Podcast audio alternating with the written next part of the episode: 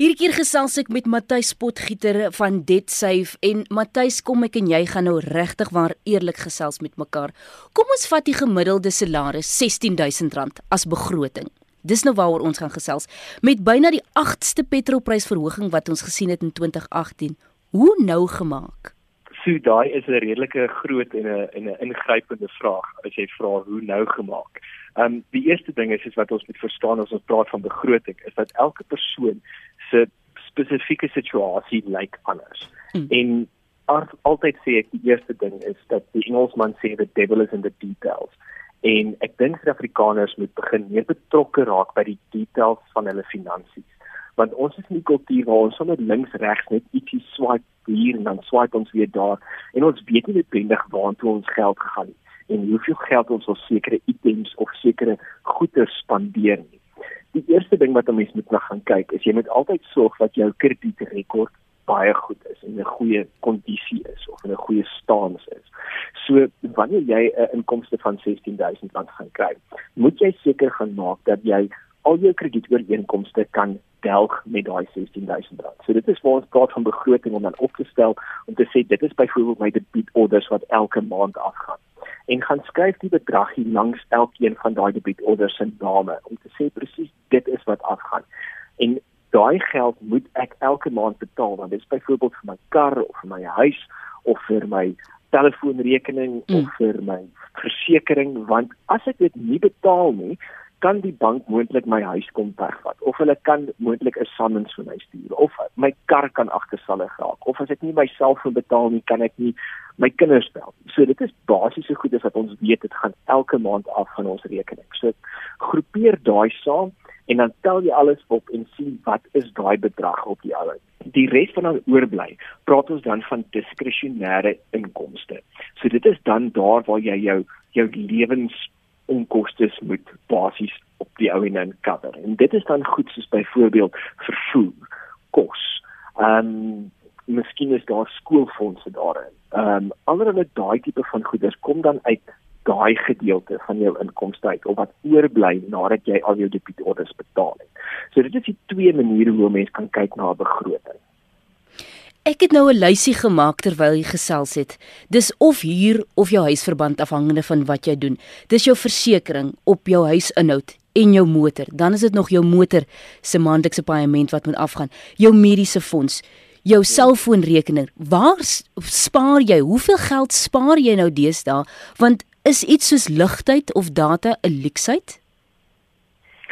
Dit is 'n groot vraag daai. Ehm um, ek weet nie of of ligtyd meer vandag 'n leksheid of en data of 'n leksheid is nie. Maar ek dink die persoon in hulle konteks op daai stadium moet besluit is dit vir hulle 'n leksheid of is dit nie 'n leksheid nie. Ehm um, ek dink daar is 'n paar goedes wat jy nou nou net genoem het wat wat vir my ononderhandelbaar is. Mm. En dit is byvoorbeeld iets soos 'n mediese fonds of of 'n uh, of 'n hospitaalplan. Ek dink daai goeders is is plekke waar 'n mens nie noodwendig moet begin peter en waar jy moet begin sny nie.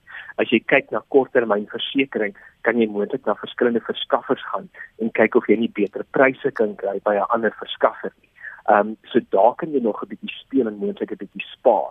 Ehm um, wanneer jy kyk na 'n huurinkomste, is dit moontlik 'n besparing vir jou om dalk te trek na 'n goedkoper area toe of na 'n kleiner plekkie toe as jy nie al die spasie nodig het wat jy nou tans gebruik nie.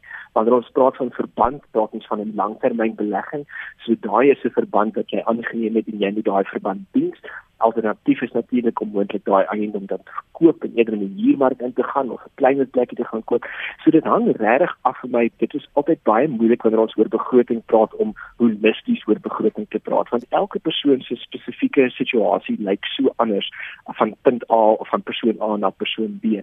Maar ek dink ons moet gaan besluit wat is die goederes wat ononderhandelbaar is vir ons en daai moet ek elke maand betaal. Ja. Die ander is goedes wat ek moet besluit, okay, is hierdie vir my 'n leksheid of is dit iets wat ek moontlik kan gaan kyk vir 'n vir 'n beter prys of 'n beter opsie, um vir 'n kompeterende prys by 'n ander maatskappy.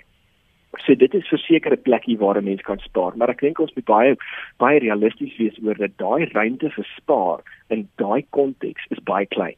Dit is nie dat ons daar gaan ewe skielik 5 of 6000 rand spaar in daai konteks altyd. Hmm. Maar op die ou ende R200 hier en R150 daar en miskien R600 hier aan die einde van die jaar dra dit tog wel by op 'n besparing.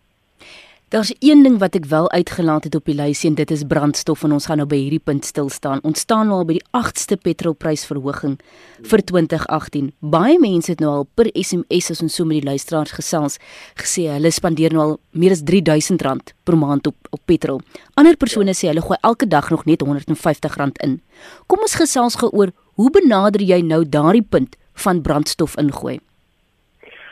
Brandstof is op die stadium verseker 'n burning point um as dit by Suid-Afrikaners kom soos wat jy sê um ons ons agste verhoging in 10 maande. Ons het begin in die begin van die jaar het ons met R14.42 begin. Ons staan op R17.08 dis in 10 maande se tyd is dit 'n verhoging van R2.66 en mense dink partykeer as, as ons praat van 'n R1 verhoging of 'n paar sent verhoging dat dit maak nie regtig so baie saak nie of ons voel dit nie eintlik so verskriklik nie. Kom ons vat nou die R1 verhoging wat ons nou gekry het. Um as ons praat van September maand het het dit tank petrol gaan jou nou as jy 60 liter tank het, gaan dit jou nou R60 meer kos om daai tank vol te maak. Daai R60 moet iewers uit uit ander geld uitkom in jou begroting om daai R60 nou te diens. Ek dink die ander ding wat ons ook sit in Suid-Afrika en dit is dit is 'n persoonlike opinie van my hierso hmm. is dat ons is baie bederf as dit kom by by vervoer. Ehm um, ons ons is eintlik streng gesproke sou hulle sê ons is 'n derde wêreldse land, maar ons lewe met eerste wêreldse probleme. Um, in die sin van dat ons almal het omtrent 'n voertuig wat ons moet ry en wat ons moet vir brandstof ingooi. Ek dink die Suid-Afrikaner gaan in 'n in 'n posisie geplaas word waar ons begin anders bekyk na voertuie. In die sin van om dalk moontlik 'n kleiner voertuig te koop soos die Europeërs, um, wat goedkoper is op brandstof ehm um, wat moontlik 'n kleiner tank het, uh, maar wat vir jou langer afstande kan gee op 'n tank. Ons gaan moontlik begin kyk na iets soos 'n saamry klub waar ons eerder saam met mense begin ry om van dieselfde punt A na punt B te kom. Um, om geld te spaar op die ouene want as jy so ek dink jy sal weet en ek praat nou net in die konteks van Gauteng maar as jy in die oggende op die op die hoofweg sit tussen Pretoria en Johannesburg, hmm. dan sien jy 'n klomp enkel mense in karre en jy mm -hmm. dink hulle doen dit elke dag. Mm -hmm. En wat is die koste wat daai persoon betaal? Maar as jy R3000 'n maand spandeer op op brandstof en kom ons sê dat jy kan nou 4 mense kry wat saam met jou kan ry, dan is dit R750 per persoon wat wat betaal vir brandstof. So daar alreeds is 'n groot besparing as ons begin anders te kyk na hoe ons voertuie gebruik in Suid-Afrika. En ons het nog eens gepraat oor die kinders nie. Dan gou 'n laaste punt, Matthys, waarby ons moet stil staan. sien dit dat die Desember maande nou nader staan. Daar's rooi bordjies met die woord uitverkoping en selfs Black Friday wat voorlê. Wat is van die slaggate daar? Die eerste slaggat is is die dis is bemarking en die feit dat ons in 'n in 'n die Engelse taal van die consumerism ingeval het waar dit wat ons sien en daar's 'n rooi lig met 'n uitverkoping dan vermoed ons dadelik ons hart begeer dit en ons gaan dit nodig hê.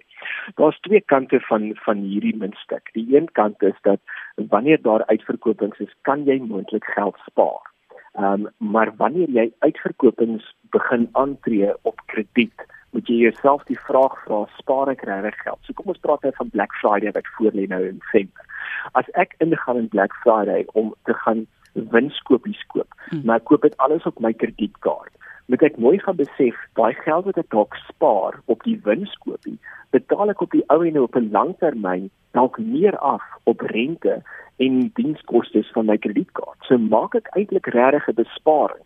'n Besparing op 'n winskoopie is bloot 'n besparing wanneer ek dit met fisiese harde kontant gaan koop, want dan spaar ek. Maar sodra ek dit op krediet begin koop, maak ek eintlik nie 'n besparing al wat ek doen is ek stel my pyn 'n bietjie uit. Um, ek maak my pyn 'n bietjie langer. En en dit is 'n groot probleem wat wat um, ons sien in in in die wêreld wat ons werk van skuldberaders is dat mense begin al hoe meer leef op krediet. So ons ons ek amper 'n wanpersepsie van wat krediet is. Krediet is so deel van ons lopende rekening amper van ons cash flow as jy dit so wil noem. Dat ons eintlik nie regtig meer verstaan wat is krediet, waarvoor moet ons dit gebruik, hoekom moet ons dit gebruik en wanneer moet ek dit nie gebruik nie. Sjoe. Ons het gepraat aan die begin van R16000 salaris. Wat sê julle altyd is die persentasie wat jy moet wegsit vir spaargeld? Bly dit nou dieselfde of verminder of vermeerder dit? Kyk, ek ek dink dit is daar waar dit nou moeilik raak vir die Suid-Afrikaner met al hierdie um, met al die verhogings in in brandstofpryse. En ek dink ook net iets wat ek net vinnig wil uitlig dat ons dalk ook net moet noem oor 'n brandstofprys is nie net een verhoging nie. 'n brandstofprys is deel van 'n kettingreaksie. Mm. so oor 'n paar maande gaan gaan ander dinge ook begin duurder raak as gevolg van hierdie brandstofprys wat ons nou ervaar.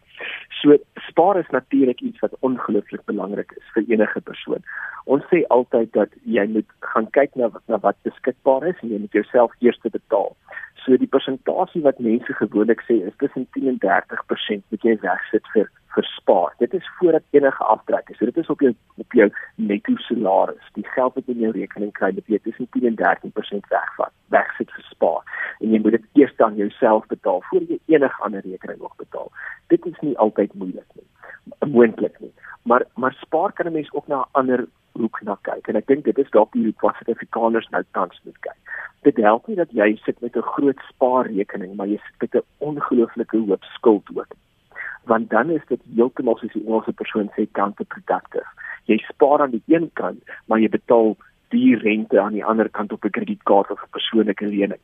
So spaar kan ook op 'n ander hoek gesien word waar ons eerder sê dat daai geld wat ek beskikbaar het op die stadium wat ek in 'n spaarrekening in moet sit, laat ek dit eerder insit in my persoonlike lening in of laat ek dit eerder insit in my kredietkaart en en daai daai skuld afbetaal want dit beteken ook op die langtermyn spaar ek eintlik. Die belangrike ding is is wanneer ek byvoorbeeld kom ons gebruik 'n kredietkaart voorbeeld van kom ons sê daar's 'n R10000 uitstaande. Mm. Argumentsonthaalbe moet ek R1000 per maand betaal op my minimum maandelikse premie. Hier is nou net bloot um argumentsonthaalbe.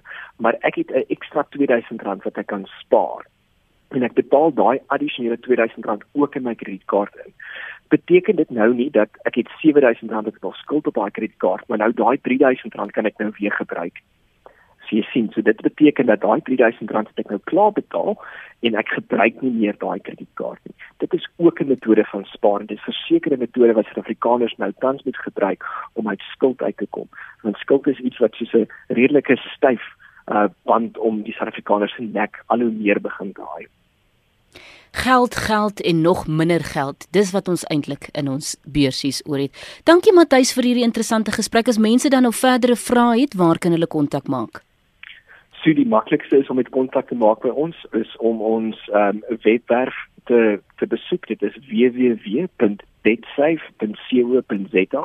Ons het 'n hele spul blogs en artikels daarop met raad en advies vir mense van begroting tot hoe om om te kyk na jou jou cashflow en al daai tipe van goed so mense kan gerus daar gaan rond sniffel of alternatief as hulle met ons wil kontak maak kan ons skakel op 0861 100 999.